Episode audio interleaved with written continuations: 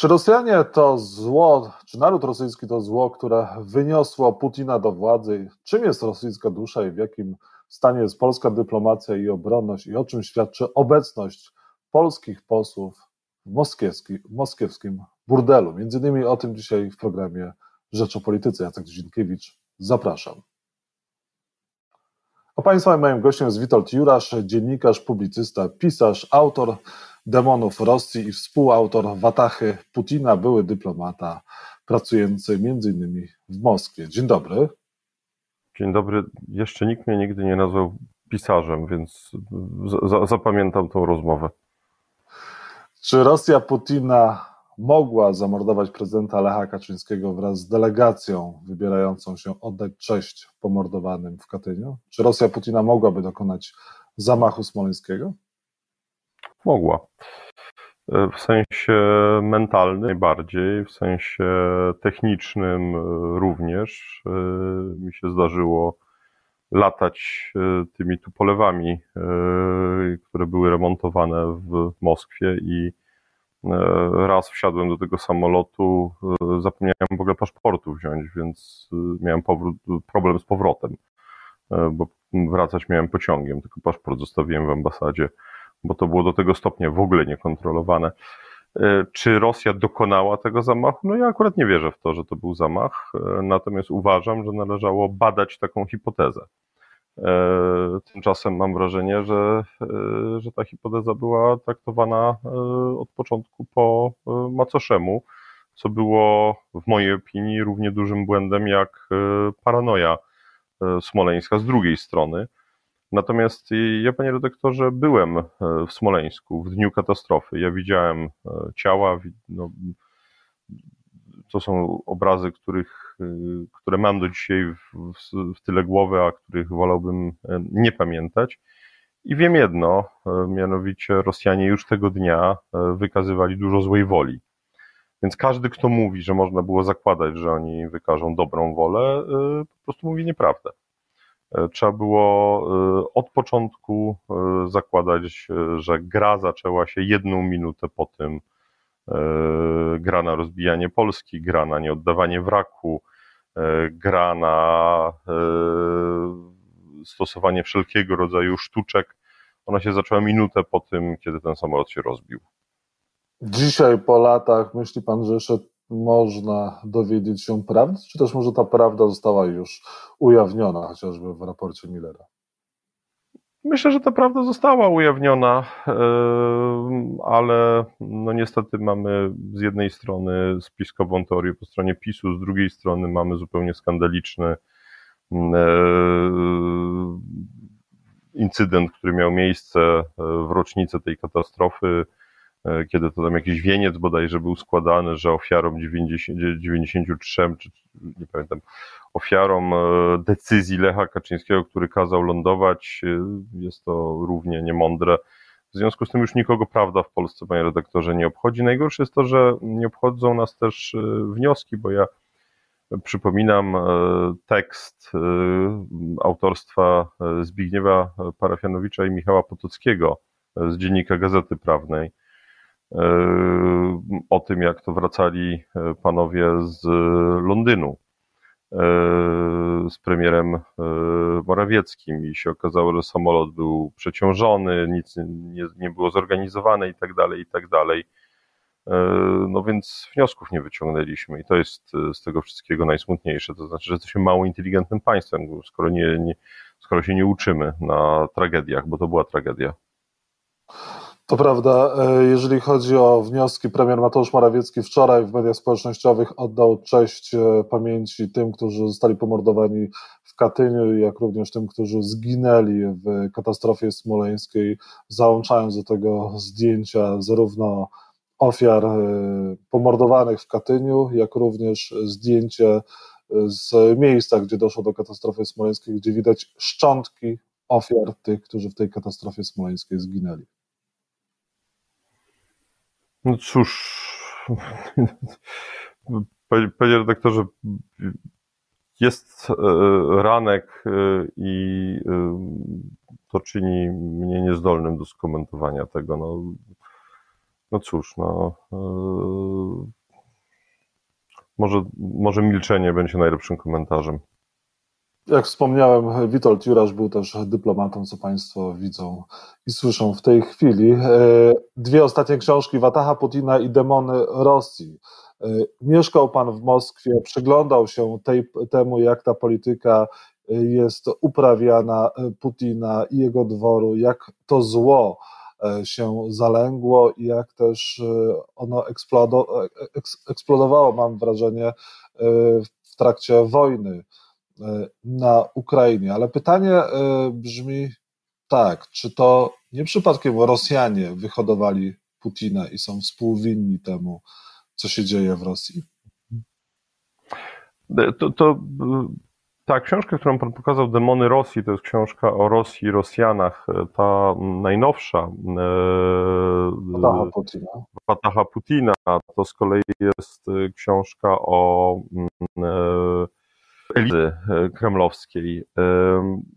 Ja bym powiedział w ten sposób, e, wszystkie badania opinii publicznej w Rosji e, robione przez niezależne centrum Lewady pokazują, że większość Rosjan, zdecydowana większość, w zależności od kategorii wiekowej, na początku wojny między 70 a ponad 80, 85%, teraz troszkę mniej, ale to jest ledwie mniej o każdej kategorii wiekowej o mniej więcej 10% popiera wojnę. Poparcie dla Putina rośnie w momencie, w którym Putin rozpoczyna wojnę i to dotyczy zarówno tej wojny, jak i tej sprzed 8 lat, jak i tej, kiedy Rosja napada na e, Gruzję.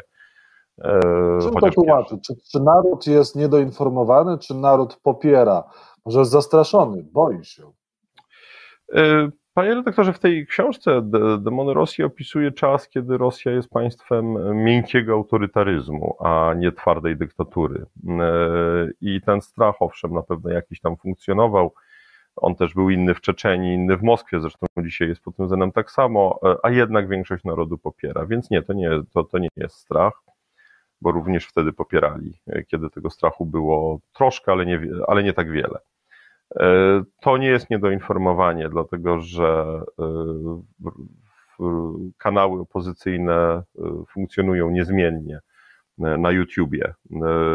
To jest zresztą ciekawe, że reżim odciął dostęp do Twittera, do Facebooka, no bo wspomnienie arabskiej wiosny podpowiada, że media społecznościowe mogą spowodować, że się ludzie zorganizują, umówią i wyjdą na demonstracje, Natomiast e, YouTube to niech sobie hula, e, dlatego że każdy reżim, e, o ile nie jest totalitarnym reżimem, musi mieć swój jarocin, czyli musi mieć swój wentyl bezpieczeństwa. Czyli jak ktoś chce, to informacje uzyska. No więc mówiąc krótko, nie. Większość Rosjan to są szowiniści. Nie nacjonaliści, a szowiniści właśnie. E, przy czym, kiedy mówię większość, to y, zaznaczam też, że, znaczy ja wiem, że to jest dla pana redaktora jasne, ale to nie jest dla wszystkich polskich polityków jasne e, i dla wszystkich Polaków niestety jasne. E, większość nie znaczy wszyscy. To znaczy są też przyzwoici Rosjanie i trzeba o nich pamiętać i dlatego ja na przykład jestem przeciwny zamykaniu granic dla, z dwóch powodów. Po pierwsze, dlatego, że zamykamy granice również przed tymi porządnymi Rosjanami, którzy mogą chcieć stamtąd uciekać. No i wreszcie uważam, że Rosję trzeba osłabiać nie tylko w krótkoterminowej perspektywie, ale również w średnio i w długoterminowej perspektywie. W związku z tym nam się opłaca, żeby z Rosji wyjechało 2 czy 3 miliony wysoko wykwalifikowanych osób, bo to są straty, którego, których się później nie da odrobić. I, a w naszym interesie jest Rosji szkodzić, mówiąc brutalnie. W demonach Rosji pisze Pan również o opozycji E. która w Rosji funkcjonuje, o dobrych mediach, które przynajmniej jakiś czas temu jeszcze funkcjonowały, e, rzetelnych, ale czy ustrój demokratyczny w Rosji w ogóle jest możliwy? Czy oni mają szansę? To w mojej opinii nie. E, dlatego, że u nas jest, panie redaktorze, taki generalnie prawda, mit jak tośmy wszyscy, znaczy ja nie, bo ja jestem z 75, wtedy, kiedy ja już też za moment się okaże, że komuny obalali. E, no więc ja nie obalałem komuny, bo miałem wtedy 14 lat. ale no jest taki mit, że oto, prawda, myśmy obalili komunę, no tylko, że dziwnym trafem ona się obaliła w tym samym czasie jeszcze w kilku innych państwach, czyli to niekoniecznie my byliśmy, my Polacy.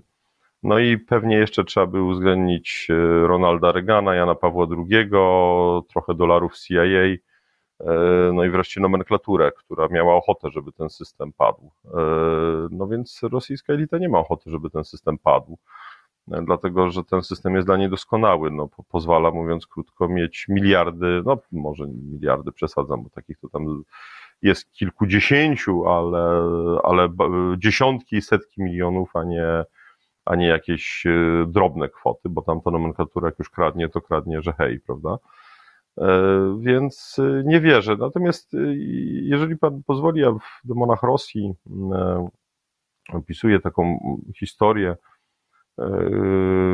z życia mojego ojca, kiedy to mój ojciec spotyka w Stanach Zjednoczonych Aleksandra Kiereńskiego, czyli ostatniego białego premiera Rosji, czy tej premiera białej Rosji, tak powinienem powiedzieć, tak? czyli tego przed rewolucją październikową, a już po odsunięciu cara od władzy. To trochę brzmi niewiarygodnie, ale mój ojciec się urodził w 1931 roku, a Kiereński E, zmarł e, dopiero pod koniec lat 60. No i ojciec się z nim spotyka, jest dyplomatą perelowskim, e, a ten jest białym emigrantem i ojciec wdaje się z Kiereńskim w rozmowę. Kiedy jest rozmowa o Leninie, tamten mówi same złe rzeczy, kiedy o Trockim same złe rzeczy i dochodzą do Stalina. E, no i Kiereński mówi, że to wielki człowiek. I mój ojciec, perelowski dyplomata, mówi, że no nie, zbrodniarz. A to mówi, no ale to wie pan, to są detale. E, on stworzył imperium. I to jest taka historia, którą mi tata bardzo często opowiadał, e, mówiąc, że wtedy, przepraszam za wyrażenie, opadła mu szczęka i zrozumiał, czym jest Rosja. I dla mnie ta opowieść, ja ją celowo zamieściłem w książce, bo ona chyba wiele tłumaczy. E, czytając Iwatachę, Putina i demony Rosji, mi, e, mówiąc kolokwialnie, kilka razy też szczęka opadła, na przykład e, czytając, że pan musiał za polskich parlamentarzystów w bordelu, za przeproszeniem, płacić. Jak to możliwe, Zdarzyło że polscy parlamentarzyści dokonywali takich rzeczy, tak ryzykowali, mówiąc też no, znając e, rosyjskie służby i to, jak mogą to wykorzystać. Pan no nie pamięta oczywiście nazwisk tych parlamentarzystów, ale czy oni są dzisiaj w parlamencie? Panie redaktorze, ja nawet, ja w ogóle prawie nic nie pamiętam, a uleciały mi z głowy nawet nazwy partii politycznych, e, ale jeden jest. E, ma się świetnie, bo w Polsce generalnie tak jest, że głupki się mają dobrze. To może ja panu odpowiem na to pytanie inną opowieścią. Otóż jak już byłem na Białorusi, a nie w Rosji, to zadzwonił do mnie, jak dziś pamiętam, wiceminister spraw zagranicznych i powiedział, że nie do końca rozumie to, co mu napisałem w szyfrogramie i zaczął czytać szyfrogram. Y, I ja się rozłączyłem, mówiąc krótko, położyłem słuchawkę. Po czym zadzwoniłem i dowiedziałem się, że ten pan już SMS-a wysłał, że ja się jestem niekulturalny, bo położyłem słuchawkę. E, więc mu powiedziałem, żeby wysłał szyfrogram. A to był nowy wiceminister on nie wiedział jak. E, więc zadzwoniłem po raz kolejny do sekretarki jego i ona mówi, tak, tak, ja już wiem, ja już pomogę panu ministrowi. Ja mówię, jak się pani pracuje z nowym szefem? A ta sekretarka mi mówi, proszę pana, ja mam rok do emerytury, niech mi pan głupich pytań nie zadaje, dobrze? No tak. To był taki, wie pan, moment w MSZ, w którym e, jak się miało jeszcze sekretarkę, y, taką nie najmłodszą, to, to to jeszcze jakoś działało. Od razu powiem, że przyszedł PiS jest jeszcze lepiej. No, no nikt ich nie przeszkolił, nie mieli żadnego przeszkolenia kontrwywiadowczego, a jeszcze byli do tyle, do, na, na, na tyle nierozgarnięci, że nie rozumieli, że y, księżniczki nocy w Moskwie to kosztują trochę więcej niż w Warszawie. No, i bidaki nie mieli pieniędzy przy sobie dostatecznie dużo. No, no, no, no co ja mogę panu powiedzieć? No to ręce opadają. No. No właśnie, to jest jedna z takich historii zawartych e, w demonach e, Rosji. Wataha Putina również e, poraża. Książka, którą napisaliście z Hieronimem Gralem.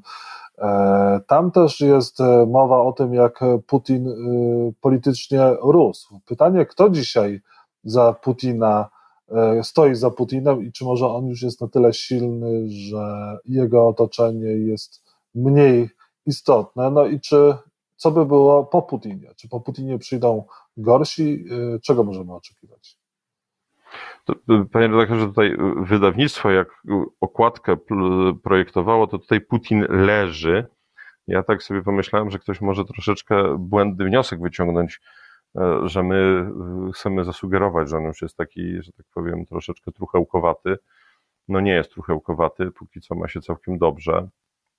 E, na pewno istnieje grono doradców, ale ono się zawężyło E, nie ma wśród nich, e, albo jest już bardzo niewielu takich, którzy mogą mu mówić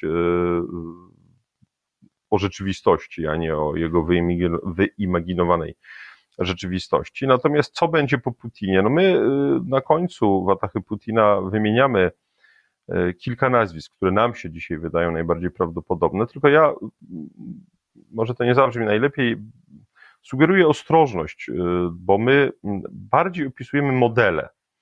E, czyli może być model pod tytułem dobieramy kogoś, kto jest młodszy, ale niezbyt młody. No jakby miał nowotwór, to też byłoby idealnie, bo porządzi jakiś czas, e, ale niezbyt długo nie stanie się carem. A może zrobimy na odwrót, może wybierzemy najgłupszego e, w naszym gronie i dopis, do, do, my dopasowujemy również i do tego modelu, prawda, nazwisko tylko że to dzisiaj nazwisko jest aktualne, a może za rok będzie inne nazwisko, ale model będzie. Jedno jest pewne, panie redaktorze.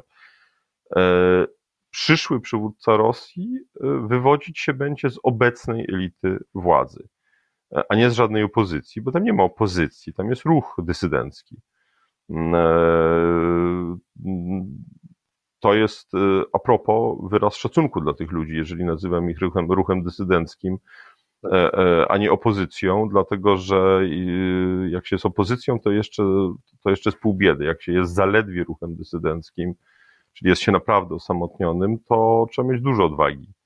E, albo być tajnym współpracownikiem, żeby się, że tak powiem, w działalność antyputinowską, żeby się nią zajmować, w ten sposób powiem. Także żadnych złudzeń. Ewolucja systemu nastąpi, być może ona nastąpi i tu jest pytanie, czy pożądanym przez nas kierunku, bo ja mam bardzo poważne wątpliwości w tej, w tej, w demonach Rosji opisuję Rosję miękkiego autorytaryzmu, ale to była Rosja bardzo niebezpieczna, bo to była Rosja, która doskonale krok po kroku rozmontowywała Zachód. Yy, I dzisiaj yy, szkoda, że ceną krwi ukraińskiej już tego nie jest w stanie robić, y, bo po prostu pokazała swoje prawdziwe oblicze. Y, I teraz pytanie, czy pożądanym kierunkiem byłoby, żeby oni wrócili do tego bardziej inteligentnego sposobu uprawiania polityki? No ja mam wątpliwości. A czy Putin jest możliwy do obalenia, czy też mówiąc kolokwialnie, do zdjęcia? E, może samo społeczeństwo będę naiwnie jednak pytał, e, rosyjskie jest w stanie tę władzę obalić, chociażby, żeby zakończyć tę, tę wojnę na Ukrainie. Wiem, że to brzmi dla Pana naiwnie, ale część e, e, ludzi, część, część polityków nawet zadaje takie pytania i ma takie hipotezy.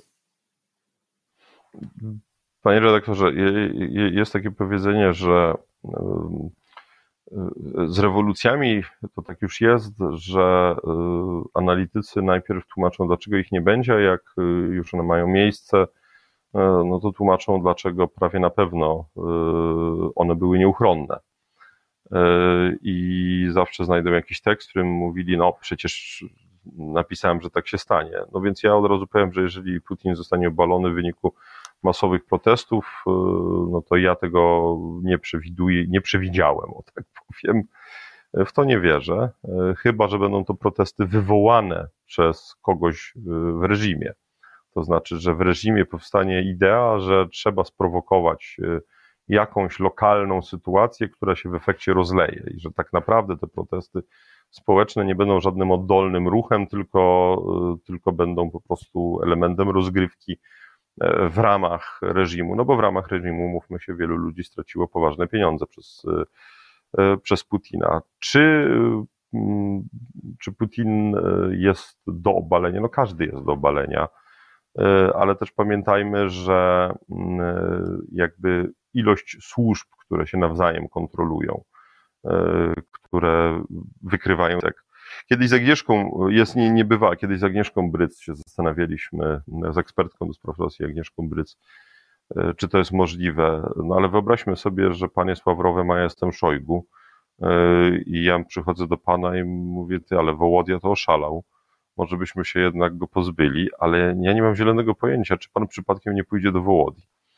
E, no tak. Zresztą myślę, że jest przynajmniej kilka partii politycznych w Polsce, gdzie szeregowie posłowie bywają E, powiedziałbym, inteligentniejsi, mają większy kontakt z rzeczywistością niż szefowie partii, też jakoś nie, chcą ich, nie są w stanie ich obalić, e, dlatego że nigdy nie wiedzą, czy ten drugi poseł to przypadkiem nie pójdzie do szefa, prawda?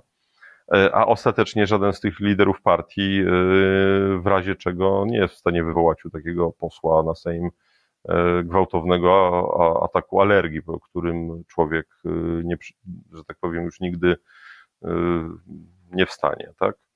E, czyli ryzyko mniejsze wydawałoby się. Mhm. A, też a na koniec niech pan, tak, na koniec niech pan powie, a wojna jest do wygrania przez Ukrainę? E, Ukraina już wygrała wojnę, e, bo obroniła swoją niepodległość, bo nie pozwoliła zająć Kijowa. Natomiast czy Ukraina odzyska wszystkie okupowane terytoria, no to to jest zupełnie inne pytanie i nawet powiedziałbym w ten sposób, że mam taką teorię, że ci w Polsce, którzy mówią, że jeżeli Ukraina e, nie odzyska wszystkich terytoriów, to to będzie przegrana, albo w ogóle najlepiej zdrada Zachodu, e, to to, jest, to, to są albo idealiści, albo, przepraszam za wyrażenie, idioci, albo rosyjska agentura. Dlatego, że jeżeli Rosjanie w coś chcą, żebyśmy uwierzyli, to w to, że Zachód nie istnieje, że jest zdemoralizowany, że jest słaby, i taki panświnizm, to znaczy, że nie ma żadnych wartości. E, no i to są te osoby, które dzisiaj nam suflują taką narrację, prawda, że, że zdradził, no nie zdradził, ale chciał zdradzić, no co prawda może i nie chciał i nie zdradził, ale pewnie zdradzi, dlatego że Ukraina nie odzyska Krymu. E, no więc przepraszam, jeżeli e, Ukrainę miałby zdradzić Zachód, bez którego Ukraina dawno by wojnę przegrała, bo by przegrała, niezależnie od swojego bohaterstwa, bo by się jej amunicja skończyła, mówiąc brutalnie. Nawet nie broń, amunicja. No tak. E, to, więc ja bym powiedział, kończąc, Ukraina, w mojej opinii, może wygrać wojnę tak jak Finlandia wygrała wojnę w 1939 roku. Finlandia, przypomnijmy, zachowała niepodległość, zachowała suwerenność, ale kosztem pewnych koncesji terytorialnych. E, czy to jest idealne rozwiązanie? Nie, nie jest to idealne rozwiązanie, ale polityka nie zawsze polega na idealnych rozwiązaniach. A czy my pomagając na końcu już, e, pomagając Ukrainie, sami siebie przypadkiem jakoś nie rozbrajamy? W jakim stanie jest polska obronność e, według Pana, jak również w jakim stanie jest dyplomacja dzisiaj?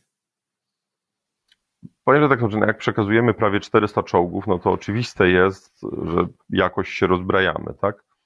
Eee, inna sprawa, że ja zawsze słyszałem, że te czołgi nie mają żadnej wartości bojowej, a Ukraina właśnie udowadnia, że mają jakąś wartość bojową, więc to jakby pierwsza uwaga.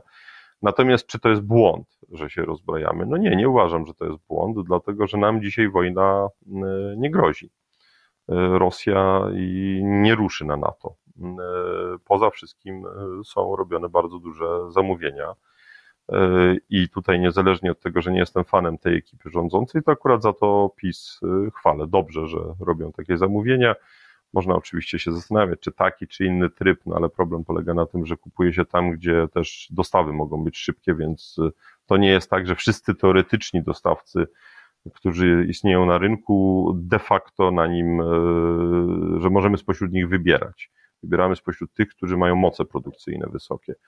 E, natomiast to jest pieśń przyszłości. Póki co e, nie mamy Abramsów, mamy chyba kilka chyba mamy szkoleniowych na razie.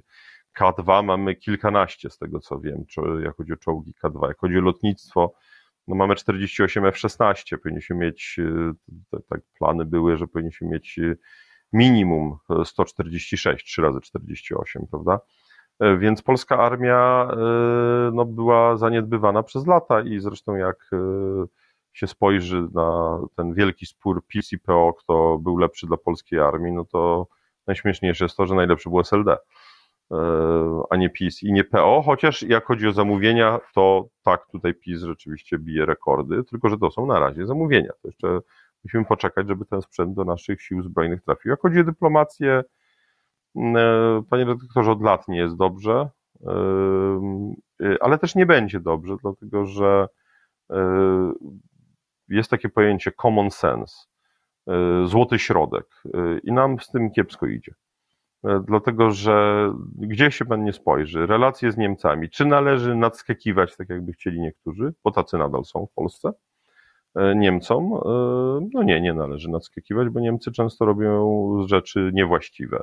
Czy należy w związku z tym się z Niemcami o wszystko pokłócić, jak to robią obecnie rządzący? Nie, nie należy. E, czy należy e, w relacjach ze Stanami Zjednoczonymi doprowadzać do tego, że prezydent Polski występuje po ambasadorze Stanów Zjednoczonych pod nieobecność prezydenta Stanów Zjednoczonych? Nie, bo to jest kompromitujące. E, czy należy w związku z tym druga skrajność tego samego prezydenta, kiedy Biden wygrywa wybory, nie wysłać mu gratul deperzy gratulacyjnej, bo grać na Trumpa, kiedy wygrał Biden? Nie, bo to jest po prostu paranoja, to jest szajba. Mm, e, no i my jesteśmy pomiędzy skrajnościami, tak? E, I dopóki się z tych e, skrajności nie będziemy w stanie, szukam właściwego słowa, nie wiem, wyjść, wykaraskać.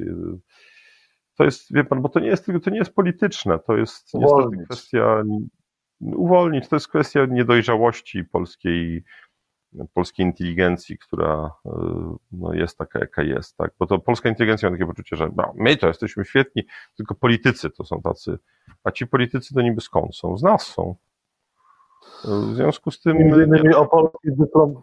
I między innymi o polskiej dyplomacji Państwo mogą przeczytać w demonach Rosji, a o tym, jak Rosja Putina rosła, rozwijała się im sam Putin w książce Wataha Wojny, którą Witold Juras z Hieronimem Gralem dla Państwa między innymi przygotowali. Bardzo dziękuję za rozmowę. Witold Juras, dziennikarz, publicysta, autor książek i pisarz, były dyplomata, był Państwa i moim gościem. Dobrego dnia. Dziękuję, dobrego dnia, kłaniam się.